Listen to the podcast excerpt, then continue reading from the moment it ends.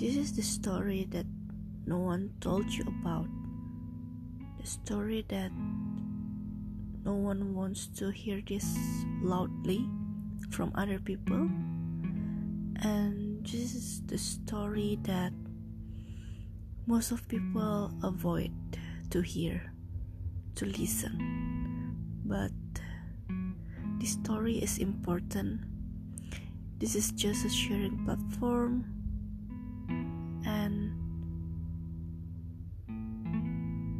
and hopefully whoever listen to this can find their inner strength back can find hope